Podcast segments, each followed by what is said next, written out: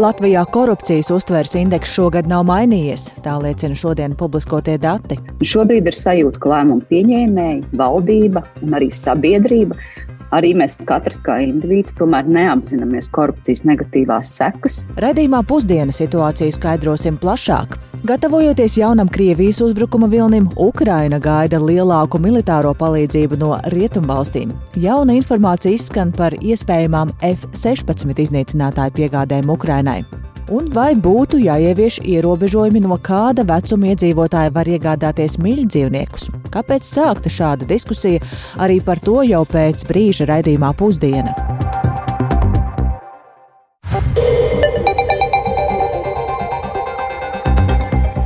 Divpadsmit un piecas minūtes skanējuma sāk redzējums pusdiena, un tajā plašāk skaidrosim šodien, 31. janvārī notiekošo studijā Dācis Simenoviča. Esiet sveicināti!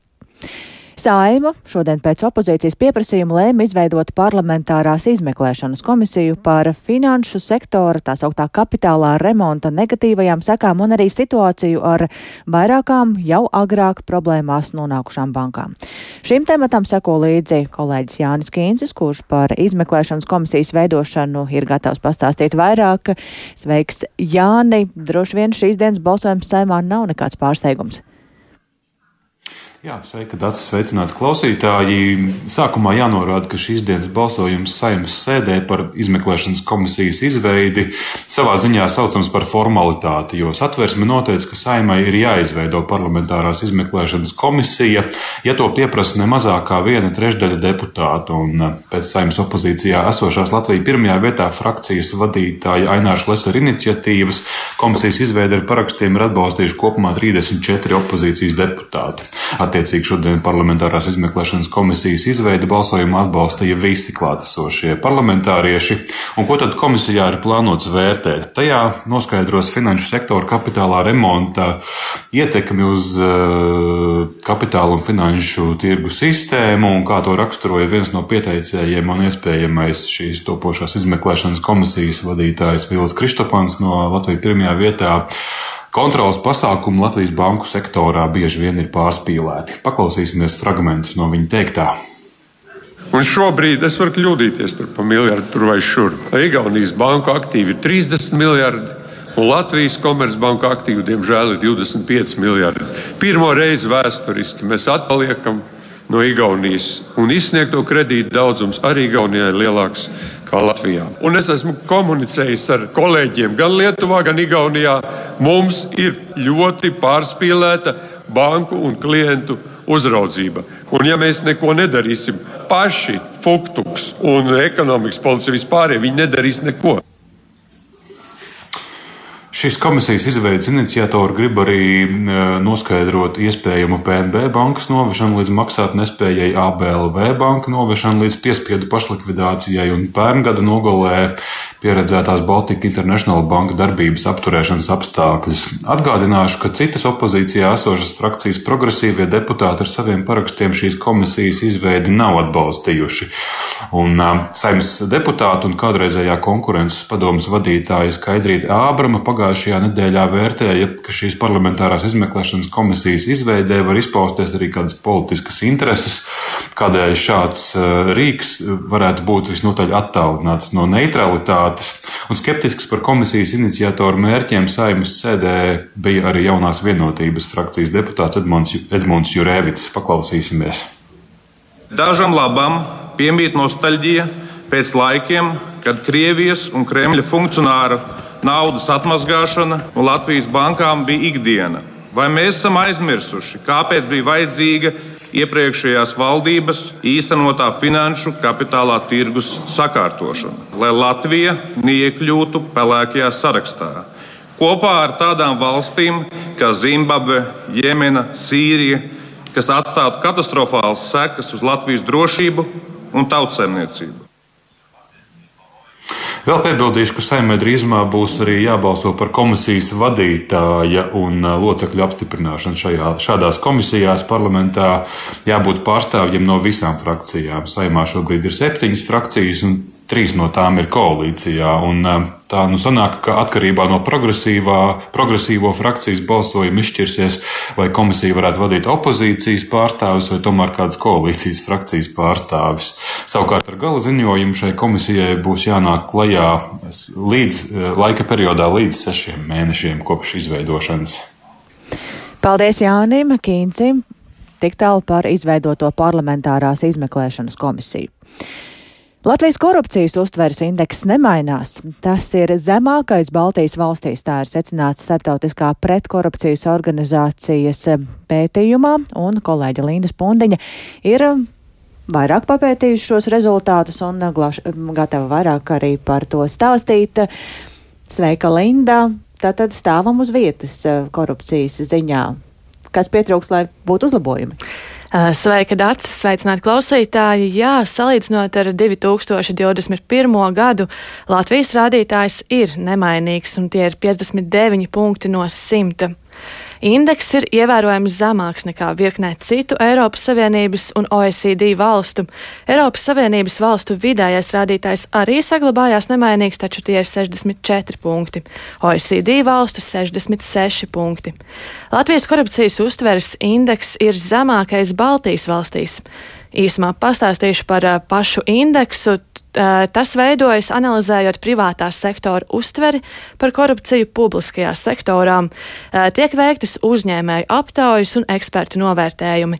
Ja indeks ir 100 punkti, tad valstī nav korupcijas.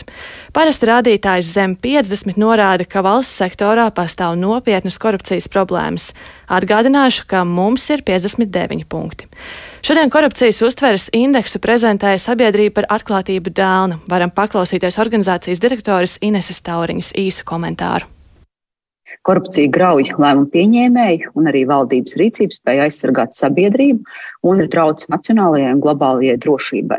Un Latvijas valsts vadītājiem ir jārīkojas daudz izlēmīgāk nekā līdz šim, nosakot korupcijas novēršanu un apkarošanu kā valstisku prioritāti ikdienas darbā. Un šobrīd ir sajūta, ka lēmumu pieņēmēji, valdība un arī sabiedrība, arī mēs katrs kā indivīds tomēr neapzināmies korupcijas negatīvās sekas un ar savu pasīvo rīcību izturamies viegliprātīgi pret mūsu drošību un atsakāmies paši no savas labklājības ilgtermiņā. Mūsu ieskatā tieši to arī parāda Latvijas pēdējo sešu gadu rezultātu korupcijas uztvers indeksā. Tauriņa uzskata, ka Latvijai jānosaka korupcijas novēršanas un apkarošana kā valstiska prioritāte ikdienas darbos, un kā piemēru viņa min vēl nepieņemto korupcijas novēršanas un apkarošanas pasākumu plānu 2021. un 2025. gadam. Savukārt Nacionālajā attīstības plānā eh, noteikts eh, sasniegt mērķi 24. gadā 64 punktus un 27. gadā 67 punktus korupcijas uztveres indeksām. Taču Tauriņa saka, ka šī brīža sasniegumi rāda, ka Latvijai neizdosies sasniegt mērķi. Korupcija jāuzlūko kā tieši drauds nacionālajai drošībai. To šodien akcentēja arī iekšējās drošības biroja priekšnieks Valters Mūrnieks. Krievijas, iebrukumu Ukra Krievijas iebrukums Ukrainā ir spilgts piemērs tam, ka, pie kā noveda agresoru valsts līdzekļu izšķērdēšanu un publiskā sektora amatu izmantošanu privātās interesēs. Nu jā, tā tad izklausās, ka plānos par to tiek daudz runāts. Kas īsti būtu jādara, lai situācija uzlabotos? Uh, pirmkārt, Dēlnes direktora uzskata, ka lielāka, uh, lielāka iniciatīva jāuzņemās un atbildība arī korupcijas novēršanas apkarošanas birojam. Un uh, Dāna sniegus arī konkrētas rekomendācijas, izdalot trīs jomas - politiskā goda prāta, biznesa goda prāta un publisko resursu izšķērdēšanas novēršanu. Ja netiks nekas darīts šajās jomās, tad pastāv stagnācijas risks. Un šīs rekomendācijas ir vairākas, uzsvēršu vien dažas, ka ir jāizvērtē nepieciešamība ieviest privāto interešu deklarāciju augsta līmeņa amatpersonu ģimenes locekļiem, jāstiprina pasākumu interešu konfliktu novēršanai, tostarp arī uzlabojot vidu valsts amatpersonu deklarāciju un citu datu kvalitātes pieejamību. Jāveicina godīgums uzņēmēju darbībā, mudinot uzņēmējs būt proaktīviem, centienos novērst korupciju. Un eh, jānosaka arī iepirkuma uzraudzības birojam pienākumu izskatīt trešo pušu iesniegtas sūdzības par iepirkumiem. Paldies, tev, Linda. Tātad mums vēl ir gana daudz darāmā ciņā ar korupciju, īpaši jau, ja runājam par politiskā un biznesa goda prātu jomu un arī attieksmē pret izšķērdību ar publiskajiem resursiem. Gatavojoties jaunam Krievijas uzbrukuma vilnim, Ukraina gaida lielāku militāro palīdzību no rietumvalstīm. Vislielākā cerība tiek likta uz iespējamām F-16 iznīcinātāju piegādēm Ukrainai, taču rietumu partneru vidū nav vienprātības, vai Ukrainai šādu modernu bruņojumu atvēlēt. ASV jau ir paziņojušas, ka to nedarīs, un kolēģis Uģis Lībēts pievieno studijā, lai runātu par rietumvalstu noskaņojumu un arī Vai tad tiešām F-11 varētu būt piemērotākie Ukrainai? Nu jā, sveicināti. Diskusijas par iespējamo kaujas iznīcinātāju piegādēm Ukrainai aizsākās jau paralēli sarunām arī ar tanku piešķiršanu Kijevā. Ukraina reiz vien ir uh, uzsvērusi to, ka mūsdienīgi 21. gadsimta iznīcinātāji noteikti ļautu atjaunot uh, kontroli pār Ukrainas gaisa telpu gan kara, gan arī miera apstākļos. Un šādi lidaprāti noteikti būtu ātrāki, labāk aprīkoti, efektīvāki nekā pašlaik Ukraiņas bruņojumā esošie PSRS arī Krievijas laikā ražotie. Un, Kā ir paziņojis Ukraiņas gaisa spēka pārstāvis Jurijs Ignats, tad jaunu iznīcinātāju Ukraiņai būtu nepieciešami nu, nieka aptuveni 200. Un, līdzīgi kā tanku gadījumā, arī iznīcinātāju piešķiršanai ir iecerēts izveidot starptautisku aliansi, un nenoliedzami vislielākā uzmanība tiek pievērsta ASV kura ir um, šo F-16 iznīcinātāju ražotāju. Taču tās prezidents Joe Bidenis ir paziņojis, ka F-16 Ukrainai piegādāti netiks, un iemesls Ukrainai jau ir sniegta pietiekami liela militārā palīdzība, kas vairos aizsardzības spējas pirms nu, iespējamā pavasara uzbrukuma viļņa no Krievijas puses. Citu sabiedroto vidū attieksme ir atšķirīga. Nīderlanda jau ir paziņojusi, ka iznīcinātājs varētu piešķirt, ja saņemtu oficiālu pieprasījumu no Ukrainas, kur pašlaik nav. Polija ir gatava nodot savus F-16 iznīcinātājus, ja šāds lēmums tiek saskaņots ar pārējiem NATO partneriem. Bet Francijas prezidents Emmanuels Macrons ir norādījis, ka Francija savu lēmumu pieņemšanā vadās pēc vairākiem kritērijiem. Nu, nu, paklausīsimies, tad, kādi ir šie kritēriji. Alors, je vais très simplement vous dire que Par definīciju, rien n'est exclu, ka nous apprécions. Pēc definīcijas nekas netiek izslēgts, taču mēs vienmēr visu izvērtējam pēc trījiem kritērijiem. Pirmkārt, vai tas tiek prasīts? Tā tas bija par Ukraiņu armijas apmācības laiku, un par to es pagājušajā nedēļā runāju ar prezidentu Zelenski. Nākamnedēļ Ukraiņu aizsardzības ministrs ieradīsies Parīzē un notiks doma apmaiņa ar mūsu kolēģi. Viss notiek pēc pieprasījumiem, bet nevis vadoties pēc baumām, kas klīst. Otrs kritērijs ir tas, vai šiem ieročiem nav eskalācijas potenciāls. Proti, vai mūsu piegādātais ekipējums neskars Krievijas zemi. Tā vietā palīdzot Ukraiņiem pretoties un aizsargāt Ukrainas zemi. Trešais kritērijs ir, lai šādas piegādes nemazinātu Francijas armijas spējas aizsargāt mūsu pašu zemi un mūsu iedzīvotājus. Ar šādu pašu nopietnību un metodi mēs turpināsim strādāt arī turpmāk, koordinējoties ar saviem partneriem. Un tāpēc pēc būtības aizliegts nav nekas. Taču ir šie trīs kritēriji, pēc kuriem mēs vadīsimies katrā atsevišķajā gadījumā continuerons de regarder au cas par cas. Jā, Emanuela Makrona teiktais, manuprāt, diezgan precīzi atspoguļo arī daudzu citu valstu, un tostarp arī Vācijas piesardzīgo reakciju. Um, turklāt daudzu valstu eksperti arī arvien biežāk uzsver, ka Ukrainai daudz piemērotāk par F-16 varētu būt citi modeļi, piemēram, F-18 vai Zviedru Gripen, kuriem nav nepieciešami tik gari un tik labas kvalitātes uh, skrejceļi. Nu, un, pat ja Ukraiņa šādus skrejceļus izlemtu būvēt, tad visticamāk to nebūtu iespējams izdarīt pilnīgi slepeni, un, lai tos ne, nepamanītu un arī tam netraucētu Krieviju. Turklāt arī abiem iepriekš minētajiem modeļiem ir arī zemākas ražošanas un uzturēšanas izmaksas, taču nu, to skaits, pieejamo, pieejamais skaits arī ir daudz mazāks. Nu, katrā ziņā es domāju, šīs diskusijas nebūtu nav tuvāko nedēļu vai mēnešu atrisinājumu jautājums. Tas būs ilgi un daudz sarežģītāks, domāju. Par to dzirdēsim vēl gana daudz. Paldies Uģim Lībietim! Un Startautiskais valūtas fonds ir palielinājis pasaules ekonomikas izaugsmes prognozi šim gadam un paredz, ka pasaules ekonomika šogad pieaugs par 2,9%, nevis 2,7%, kā lēs iepriekš. Kā norāda Startautiskā valūtas fonda vadošais pētnieks Piers Olivier Guriņčas, prognožu izmaiņas ir veicinājuši vairāki faktori. The global economy is expected to slow this year before rebounding next year. Sagaidāms, ka globālā ekonomika šajā gadā palēnināsies pirms atkopšanās nākamajā gadā. Izaugsme saglabāsies vēsturiski zema, jo aktivitāte ietekmē cīņa pret inflāciju un karš Ukrainā. Par spīti šiem kavēkļiem prognoze nav tik drūma kā mūsu oktobra prognoze. Šis varētu būt pagrieziena punkts ar izaugsmes kāpumu pēc zemākā punkta sasniegšanas un inflācijas mazināšanos. Ekonomiskā izaugsme pagājušā gada trešajā ceturksnī ir izrādījusies pārsteidzoši noturīga. Darba tirgus ir spēcīgs, privātais pieprasījums stabils un labāka nekā cerēta pielāgošanās Eiropas enerģijas krīzei. Arī inflācijas rādītāji uzlabojas un lielākajā daļā valstu jau novērojams kritums. Taču pamatinflācija, kurā nav iekļautas svārstīgās enerģijas un pārtikas cenas, daudzās valstīs vēl nav sasniegusi augstāko punktu. Ķīnas pēkšņa atvēršanās arī paver ceļu straujākai aktivitātei, bet inflācijas spiediena mazināšanos veicina arī globālos finansiālos apstākļus. Gan šis, gan arī ASV dolāra vērtības kritums ir radījuši vismaz nelielu atvieglojumu attīstības valstīs. Tikmēr interesanti, ka pasaule šobrīd ir parādos, un šie parādi ir rekordlieli. Precīzāk sakot, 300 triljoni ASV dolāru, un tā ir kopējā summa, ko valdības, mājasemniecības un korporācijas visā pasaulē bija parādā laikā uz 2020. gada jūniju. Tādas ir Starptautiskā finanšu institūta aplēses, un eksperti īpaši bažīs par parādu slogu, kas gulst uz jaunatīstības valstīm. Plašāk par to Rihards Plūme.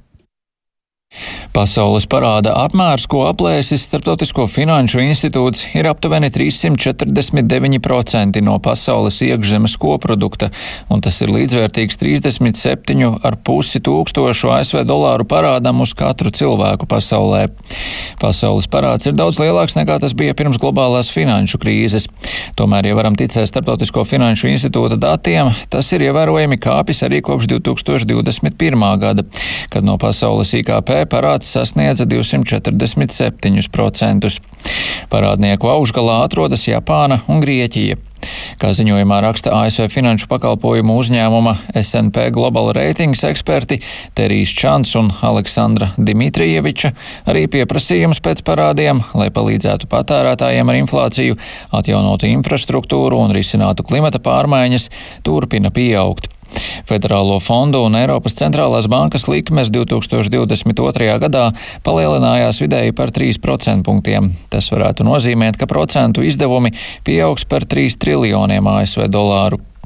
Čants un Dimitrijeviča norāda, ka procentu likmju kāpums un ekonomikas palēnināšanās padara parādu nastu smagāku. Tajā pašā laikā analītiķi atzīmē, ka kopš 2007. gada parāds ir kļuvis mazāk produktīvs.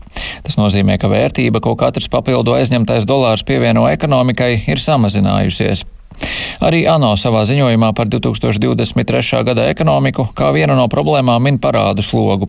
Eksperti skaidro, ka stingrākie globālie finanšu nosacījumi kopā ar spēcīgu dolāru sāsināja fiskālo un parādu ievainojamību jaunatīstības valstīs. Turpina ANO ekonomikas un sociālo lietu departamenta pārstāvis Šantānu Muherjē.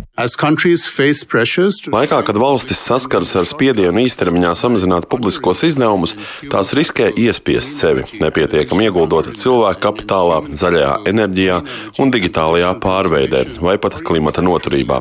Tas grauj šo valstu izaugsmes un parāda ilgspējīgu ilgtermiņā.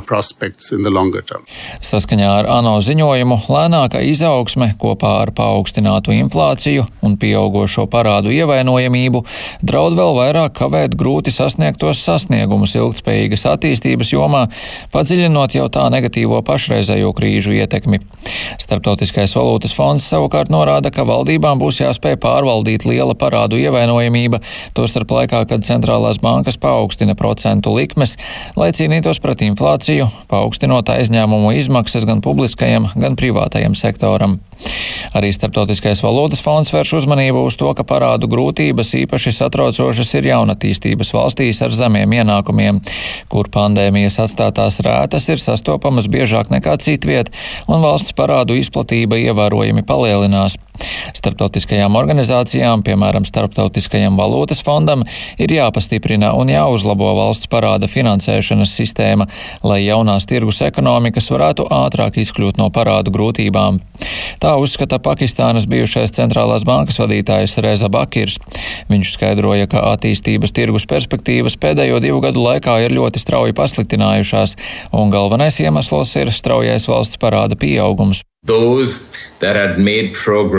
Tos, kuri jau agrāk ir panākuši progresu monetārās politikas spēcināšanā, lai mazinātu inflāciju, tos, kuriem ir labi panākumi mikroekonomikas politikas īstenošanā, investori atalgos, bet daudzi, kuriem ir lieli parādi un kuriem nav labas pieredzes makroekonomikas vadībā, viņi turpinās saskarties ar izaicinājumiem, jo finansējuma likmes pasaulē joprojām ir daudz augstākas nekā pirms pieciem gadiem.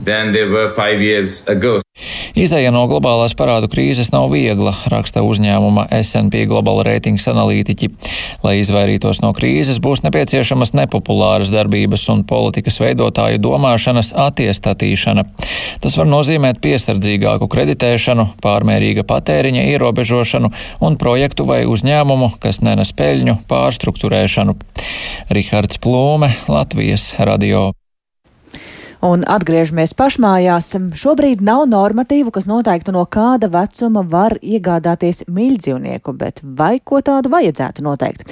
Par to šodien Zemkopības ministrijā ir sāktas sarunas, un studijā ir arī kolēģi Agnija Lazdeņa, kas pastāstīs par šo vairāk. Sveika, Agnija! Kas sarunās piedalīsies un ko par to vispār saka pati sabiedrība? Jā, labdien! Šodien sanāksmē piedalīsies ministrijas speciālisti ar Latvijas veterinārā ārstu biedrību un nevalstiskajām organizācijām, kur tad pārunās jautājumu par vecuma noteikšanu, no kāda personai atļauts iegādāties mājas dzīvnieku. Tiesa šī sanāksme vēl ir tikai pats pirmais solis, tas notiks tikai tādā sarunas līmenī, tomēr es uzrunāju dzīvnieku patversmes labās mājas vadītāju Astrīdu Kārkliņu, kas piedalīsies sanāksmē, un tad paklausīsimies, ko viņa stāsta. Mēs uzskatām, ka nepilngadīga persona nevar būt dzīvnieku īpašnieks. Kā tas ir iestrādājams likumdošanā, es nezinu, par to mēs šodien spriedīsim, bet līdzīgi, kad esam automašīnā vai citas lietas, ir automātiski visiem noprotams, ka tas tā ir. Bet par dzīvnieku, tā teiksim, par suņu īpašnieku, izrādās varbūt arī viena gada veca persona. Jā, kas ir interesanti, šobrīd tikai patversmes ir tās, kuras ierobežo kāds likums, proti dzīvnieku aizsardzības likums, kurā ir teikts, ka patversmes drīkst atdot dzīvnieku personai, kas ir sasniegusi 18 gadu vecumu un apņemas nodrošināt attiecīgā dzīvnieka labturību. Taču, kā stāstīja patversmes vadītāji, tad, ja pie viņiem atnāk, piemēram, nepilngadīgs bērns pakaļ savam noklīdušajam dzīvniekam un dzīvnieka pasē bērns ir norādīts kā īpašnieks, tad viņi nevar tā īsti arī neatgriezt šo dzīvnieku. Un, uh, jā, tad es arī uzrunāju cilvēkus, lai noskaidrotu viņu domas, un vairums no viņiem atzīst, ka vecums šeit nav noteicošais. Svarīgākais ir tas, vai cilvēks spēs un gribēs uzņemties atbildību. Jautājums par to, kurš tad atbild. Ja arī iegādājas kāds nepilngadīgs jauns cilvēks, tad, protams, ka atbildību uzņemsies vecāki. Bet, ja teiksim, tas 12-gadīgais bērns aiziet uz to zooveikalu, nopērk kāmīti un aiznes vecākiem. Jā, bez vecāku ziņas gan nevajadzētu pārdot. Jā. Tur nu gan vajadzētu kaut kādu kontrolas mehānismu. Kamēr cilvēks tā puslīdz reāli sāk pats atbildēt par savu dzīvi. Nu, es domāju, ka no kaut kādiem 16 gadiem. Atkarīgi no cilvēka. Nu, ir 30 gados cilvēki, kuri nevar atbildēt par dzīvnieku. Tas nav atkarīgs no vecuma, mēs uzskatām. Tas var atšķirties. Galvenais, lai tas būtu apzinošs katram cilvēkam, lai viņš uh, var to dzīvnieku parūpēties. Tikai jautājums, jā, kā to pārbaudīt. Nu, nezinu, man liekas, optimāls būtu kāds 16 gadi un uh, vecāki. Un, lūk, tā tad šā, šobrīd ir tāda situācija, un skatīsimies, kā tad šis virzīsies tālāk, un vai arī tiks pieņemts arī kāds lēmums saistībā ar dzīvnieku iegādi. Paldies Agnijai tik tālu par mīļdzīvniekiem, un vēl praktiska informācija rīdziniekiem un galvaspilsētas viesiem, kuri izmanto sabiedrisko transportu, jo no rītdienas mainīsies. Kārtība, kas mainīsies, to skaidros Rīgas satiksmes pārstāvu Baiba Bartaševiča Feldmane. Labdien! Kas mainīsies no rītdienas? Labdien!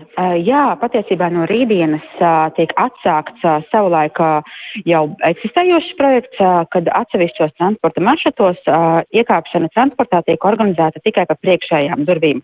Uzreiz gan es gribētu piebilst, ka vecākiem ar bērnu ratiņiem un pasažieriem ratiņkrēslā iekāpšana transporta līdzeklī nemainās un būs tieši tāpatās kā līdz šim, kad viņi iekāpšanā izmanto vidējās uh, durvis.